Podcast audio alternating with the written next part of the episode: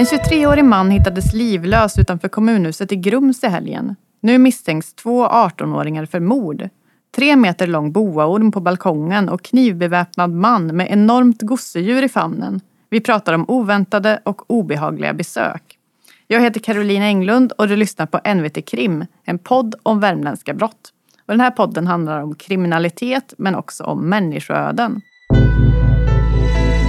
Och jag hälsar välkommen till NVTs reportrar Nicole de Borsan och Åsa Asplid. Tack så mycket. Tack, tack. Och vi ska börja med en tragisk händelse i Grums. Natt till fredag förra veckan hittades en 23-årig man livlös utanför kommunhuset. Och nu misstänks alltså två 18-åriga män för mord. Åsa, du har ju varit på plats i Grums flera gånger sedan den här händelsen. Vad har du fått reda på?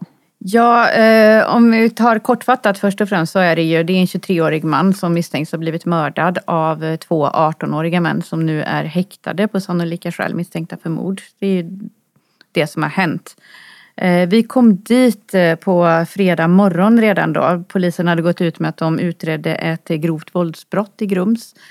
Eh, när vi var där strax efter åtta så var ett eh, jättestort område utanför kommunhuset avspärrat och eh, polisen hade satt upp ett tält över den plats där den 23-årige mannen hittades.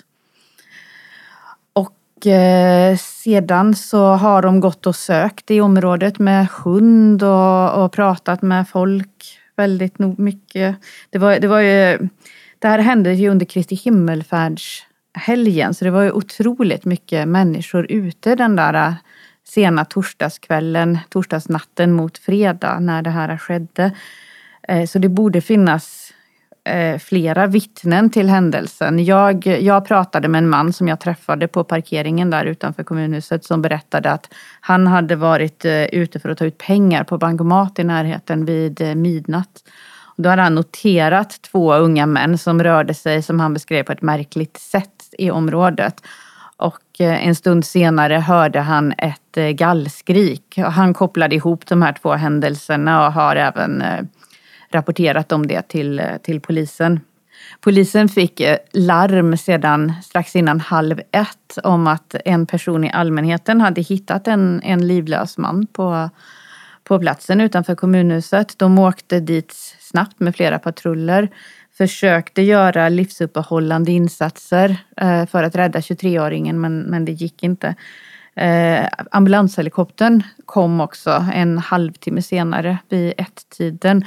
Och det noterade ju väldigt många människor i Grums eh, för den, den landade på ICA-parkeringen mitt inne i Grums då, det är nära kommunhuset. Eh, så vi, vi pratade med många boende i Grums och, och flera utav dem sa ju att de hade legat och sovit vid den här tiden men de vaknade ju när de hörde mm, helikoptern. Ja, du har ju varit där flera gånger sedan det här hände och du har också pratat med den här 23-åringens pappa och syster. Vad, vad säger de? Ja, de, det är ju en jättechock för, för dem att det här har hänt. Jag pratade med hans syster först och hon beskrev ju hur hon själv har åkt till platsen i Grums vid två tillfällen sedan i fredags. Då. Eh, det har ju samlats en ett stor hög med, med blommor och eh, ljus på platsen för att hedra 23-åringen. Och hon sa att när hon besöker platsen så, så blir det lite mer verkligt för henne att, att det faktiskt har skett det här. Och hon, hon beskriver ju sin eh, lillebror då och eh, hur de var så gott som oskiljaktiga i barndomen. De gjorde allt tillsammans i stort sett. Hans pappa eh, berättar ju hur han eh, blev väckt av polisen vid sjutiden på fredagsmorgonen och fick reda på att hans son var död. Det, det är ju ett mardrömssamtal för alla föräldrar och eh, han är ju också lika skakad av det här och säger bara jag, jag älskade min son. Han, vi saknar honom så kopiöst. Och det, men det förstår ju alla att vi gör.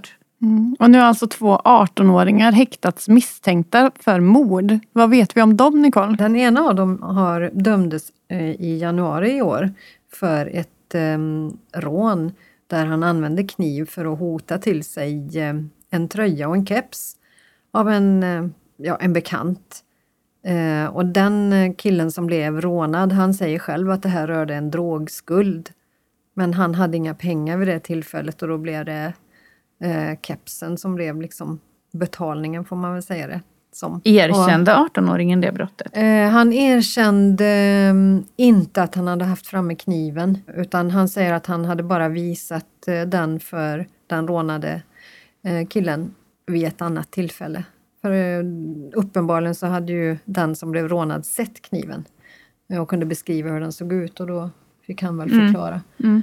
Men tingsrätten dömde honom eh, för det här för rån med Han- kniven. ja. Ja. Han, han blev ju misstänkt för, för nytt drogrelaterat brott här bara för några Ja. dagar sedan också. Det vet jag inte så mycket om just det brottet mer än att det handlar om att han hade beställt knark på nätet. Ja. Eh, Jag pratade ju med hans försvarsadvokat för han Ja. blev ju tilldelad en försvarsadvokat i eh, måndags i förra veckan då.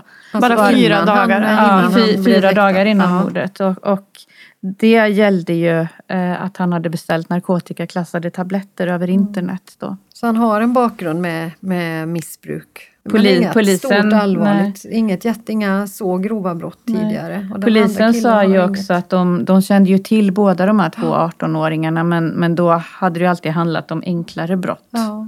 De är ju väldigt unga. Hur vanligt är det att eh, tonåringar misstänks för mord? Det är inte jättevanligt med mord i Värmland överhuvudtaget och så här unga är inte så vanligt. Vad, vad tror man då kan ligga bakom den här händelsen? Ja, ehm, polis och åklagare vill ju inte säga ett eh, knyst om ett eventuellt motiv men, men när jag pratade med människor eh, i Grums så, så var ju allas eh, övertygade om att det antagligen hade med droger att göra. För de, som de sa, det, det är så mycket droger i Grums så här, det måste handla om droger. Det finns inget annat som, som skulle orsaka något sånt här. Men som sagt, vi vet inte. Polisen säger ingenting. Men nu går vi vidare och nu ska vi prata om oväntade och obehagliga besök. För i helgen blev en kvinna på Färjestad i Karlstad överraskad av en okänd man som stod på hennes balkong. Vad vet vi om det här Åsa? Ja, det var ju något av en skräckupplevelse för den här eh, 49-åriga kvinnan på Färjestad då som jag pratade med tidigare idag. Hon, eh, hon eh, larmade polisen eh, strax efter midnatt eh, natten mot i söndags och förklarade att det var en okänd man som befann sig på hennes balkong. Men hon hade skrikit till honom och då hade han hoppat ner från balkongen och försvunnit. Polisen... Hur, hur högt upp var den här balkongen? Ja, den, hon bodde på första våningen så att det rör sig ju bara om ett par meter över marken så det var inget, ingen jättehöjd att hoppa ifrån. Men det är ju ändå ganska...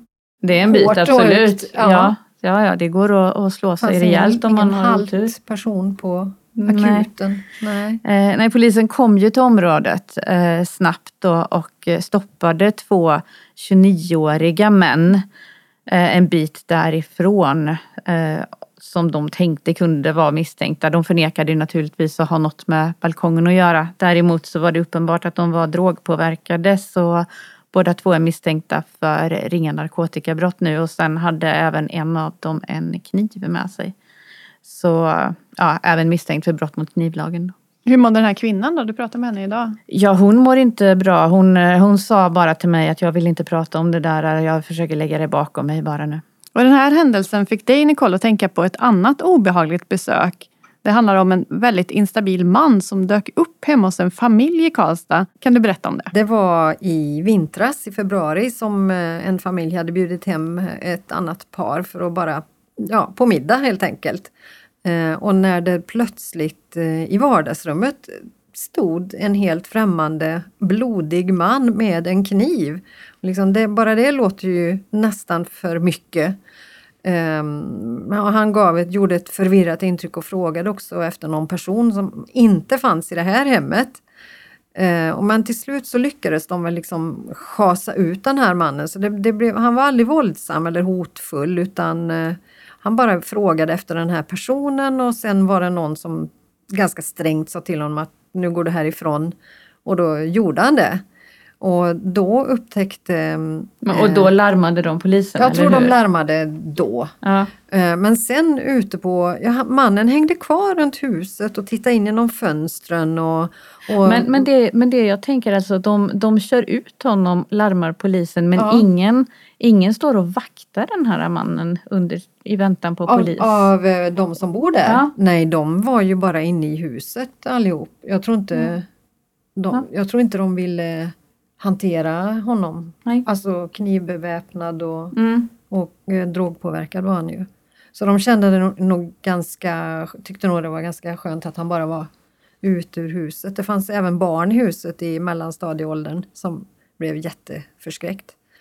Men eh, då upptäckte de i alla fall ute på gården ett jättestort mjukisdjur som låg alltså sargat, knivskuret ute på marken. Och det låter ju verkligen helt absurt. Det låg eh, in, vad heter det, inte inälvor, men vad heter det? Eh, Innan de stopp, Innan stoppningen. stoppningen ja, Ja. av det här gosedjuret låg spritt över gårdsplanen. Och sen så kom polisen och de, då var det en polis som kände igen gosedjuret, vilket ju också är ganska märkligt. Men då visste den polisen att den, det här djuret hade, eh, hörde hemma på en ridskola i närheten. Och de, så de åkte dit, jag tror faktiskt att de spårade baklänges också och kunde följa den här mannens spår till ridskolan. det var Och, nysnö då så det gick. Ja, det var nysnö och han hade dessutom lämnat både blod och rester av det här stackars eh, gosedjuret. I, alltså jag tror Ja. inte de hade behövt ha en hund med sig för att spåra den mannen men det hade de tror jag, Mm. en hundpatrull. Och Eh, vad, ridklubben varför hade haft hade inbrott de, Ja, då, då? Var det, då var det, där hittar man en krossad ruta och ja, blod. Det var därför han var blodig. det var därför han var blodig, för han hade klivit in genom fönstret genom att krossa rutan då. Oklart vad han skulle göra där. Han själv mindes ingenting under rättegången utan han, eh, och i polisförhören, ja han kunde egentligen varken förneka eller erkänna något Mm. brott. Det är en otroligt traumatisk sak att vara med om. Ja. Men, men varför hade ridskolan ett, för det var ett väldigt stort, en och en halv meter långt gosedjur. eh, det var det och det är oklart alltså Ja, man kan ju undra varför det sitter, finns ett gosedjur ens på en eh, ridklubb men jag pratade faktiskt med ridskolechefen idag för jag kände att det här måste jag ju gå till botten med och då visade det sig att de har haft, den har varit med i en show eh, i ridklubbens Lucia-show. Och där så har man haft dem som eh, ryttare eller vad man nu ska säga, fyra stycken gosedjur som var med i Shettisgaloppen. Mhm. Därför så fanns det gosedjur på ridklubben. Och vad hände med den här mannen då? Vad, vad fick han för Han, straff för han det här? fick eh, åtta månaders fängelse för grovt hemfridsbrott. Och, och några andra brott också, bland annat faktiskt ja, ytterligare ett hemfridsbrott och dessutom hade han rånat en man på en bil. Låter, ju, ja, låter som en väldigt hemsk upplevelse. Det var det ju säkert för den här familjen, absolut. Och allt det här som jag pratat om nu fick dig, Nicole, att minnas en sak som hände för tio år sedan. Eh, när en kvinna i Karlstad upptäckte en tre meter lång boaorm på sin balkong. Eh, och eftersom du inte bara gillar krim utan också djur så har du gått till botten med den här historien och följt upp det här nu tio år senare. Mm. Fast jag måste faktiskt säga att jag gillar verkligen inte ormar. Men eh, det är väl därför som jag minns den här historien så mycket, för att det är så lätt att relatera. Eh, men det var i alla fall, eh, jag pratade faktiskt med eh, kvinnan idag som fick det här läskiga besöket. Hon heter Ingrid Wassberg och hon berättade också väldigt livfullt om det här. Hon hade suttit upp och sett på TV på natten och hört några smällar ute på balkongen men sen, hon tänkte inte så mycket mer på det. Men sen på morgonen så var hon ute på balkongen och skulle bara ställa i ordning lite och då såg hon att det låg någonting på golvet un- halvvägs under bordet. Och, mm, eh, så tänkte hon, men är det en orm? Men det kan det ju inte vara. Eh, tänkte hon sen. Och så titt, lyfte hon bara lite på bordsduken och kollade och då såg hon, som hon sa, ansiktet och tungan på den här ormen och så de här lömska ögonen som hon sa. Så hon stängde ju balkongdörren väldigt snabbt. Och sen, eh, men sen blev hon, hon var modig och eh, tänkte kallt för att hon tog bilder på ormen. För hon tänkte att ingen kommer att tro mig om jag säger att det finns en orm på min balkong. Och sen gick hon runt i lägenheten och funderade på vad hon skulle göra. Hon, liksom, hon sa att hon slog sig i pannan för att kolla så att hon verkligen var vaken och inte drömde det här. Och sen ringde hon polisen. Och, Vad sa polisen då? Ja, ja, jaha, du har en orm på balkongen. Och, vänta lite, sa polisen till henne. Eh, Får jag ditt personnummer? Och sen gjorde väl han en slagning för att se att eh, det inte rörde sig om något eh, skämtsamtal eller att hon var någon knasboll sådär. Men sen kom han tillbaka ganska snabbt och så sa han bara att ja, vi kommer dit. Och ganska direkt kom det tre poliser till den här kvinnan. Och de var också lite milt överseende eh, tyckte hon. Alltså de frågade henne mm, Jaha, så du har en orm på balkongen? Och hon fick känslan av att de trodde att hon hade en liten snok eller något sånt där. Och att hon var ormrädd helt enkelt. Så poliserna gick och öppnade balkongdörren lite kaxigt och ryggade tillbaka dem också. Och, wow, det var en orm och den var stor. Så de ringde in en fjärde polis som i sin tur sen lyckades ringa någon eh, ormexpert kanske på en djuraffär i stan. Som kom med en stor jutesäck och en eh, väska och grep ormen. Och sen blev den eh, en, eh, någon typ av eh, attraktion på det här, för vi skrev ju om händelsen redan då. Så den, den blev en celebrity snake på den här djuraffären. Folk vallfärdade dit för att se den och man satte upp bilder på, på Ingrid, de här, vi skrev ju artiklar om det då, bredvid ormen och så. Så jag har faktiskt pratat med djuraffären idag också för att se hur det gick, hur ormen lever idag. Det vill man ju verkligen veta. Vad har hänt med ormen? veta. Den var sex år när det hände och nu är det, det är tio den år sedan 16? så att den är 16 bast. Men jag, jag, jag hoppas att jag ska få ett svar så att vi kan eh, Men den, fin- den finns i livet någonstans Den ska här i bo Karlstad. här i stan. Jag hoppas inte i en lägenhet nära mig. Men vi kan väl- Jag, jag tänkte på, på det du sa, det är tio år sedan och hon Ja. kommer ihåg det här Ja. som igår nästan. För jag pratade ju med, med en polis angående den här kvinnan som i helgen då hade en okänd man på Ja. balkongen. Och eh, han sa ju det att ofta sådana här händelser, det blir ju inga stora polisiära utredningar av det liksom, utan det är ju polisiärt sett ganska obetydliga brott. Men, men han sa ju för, för personerna i fråga som, eh, som blir utsatta för det här så är ju det här jättejobbiga saker och, och eh, som de kommer komma ihåg jättelänge och, som kan, och, och som dessutom kan påverka deras liv för Mm. lång tid framöver. Så här, så att, eh, För det, Ingrid det är sa ju det här ett bevis ja, hon på. Sa det, hon, hon tänker på det ofta. Och varje gång hon snubblade sa hon på en mattkant så, så kom den här ormen upp i... Men, men hon var också och tittade på ormen vid flera tillfällen där på i djuraffären för att kanske bearbeta det som hade hänt och så. Ehm, så hon kunde ändå, alltså hon kunde ju skratta åt det. Hon blev ju känd också på kuppen. Hon, det här hamnade i tidningar i Turkiet sa hon i någon engelsk tidning och folk hade kommit fram till henne på bussen och på stan och frågat ska du hem och mata ormen nu eller? Så att hon blev igenkänd. Och, Oj, eh, men, men man vet inte riktigt hur ormen hamnade på balkongen. Lyckades man utreda det? Ja, till slut så hörde ju ägaren faktiskt av sig eh, till polisen men eh, sa också att han inte var intresserad av att behålla ormen och det var, då såldes den via den här djuraffären då. Okej, men, Men- vet man om man hade släppt ut den eller om den Nej. hade rymt? Jag vet inte, det vore ju väldigt konstigt att släppa ut den kan man ju tycka. Eh, bara eh, från eh, ja, sin lägenhet. Och det är bättre, man, han kunde ju sälja den, den var ju värd, jag tror 1500 spänn.